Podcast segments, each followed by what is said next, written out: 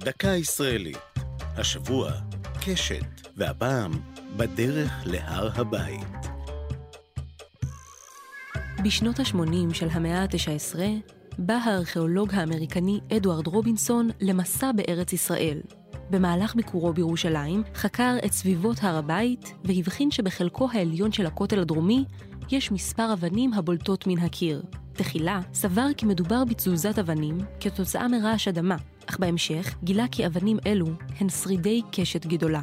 בחפירות הארכיאולוגיות התברר כי האבנים הן חלק מגרם מדרגות עצום, שדרכו טיפסו העולים לרגל מהרחוב הנמוך אל מפלס הר הבית. הקשת נמתחה לאורך 15 מטרים, רוחבה היה 13 מטרים, ומשקלה המשוער הגיע ל-1,600 טונות. הקשת הייתה חלק ממפעל בנייה להרחבת מתחם הר הבית, בימי בית המקדש השני, מפעל שהחל בעת שלטונו של המלך הורדוס.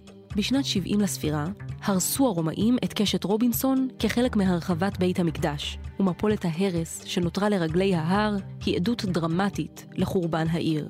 שרידי הקשת מצויים כיום בגן הארכיאולוגי, המכונה גן האופל, אופל בעין, לשון העפלה. זו הייתה דקה ישראלית על קשת ובדרך להר הבית. כתבה שירה אל-עמי.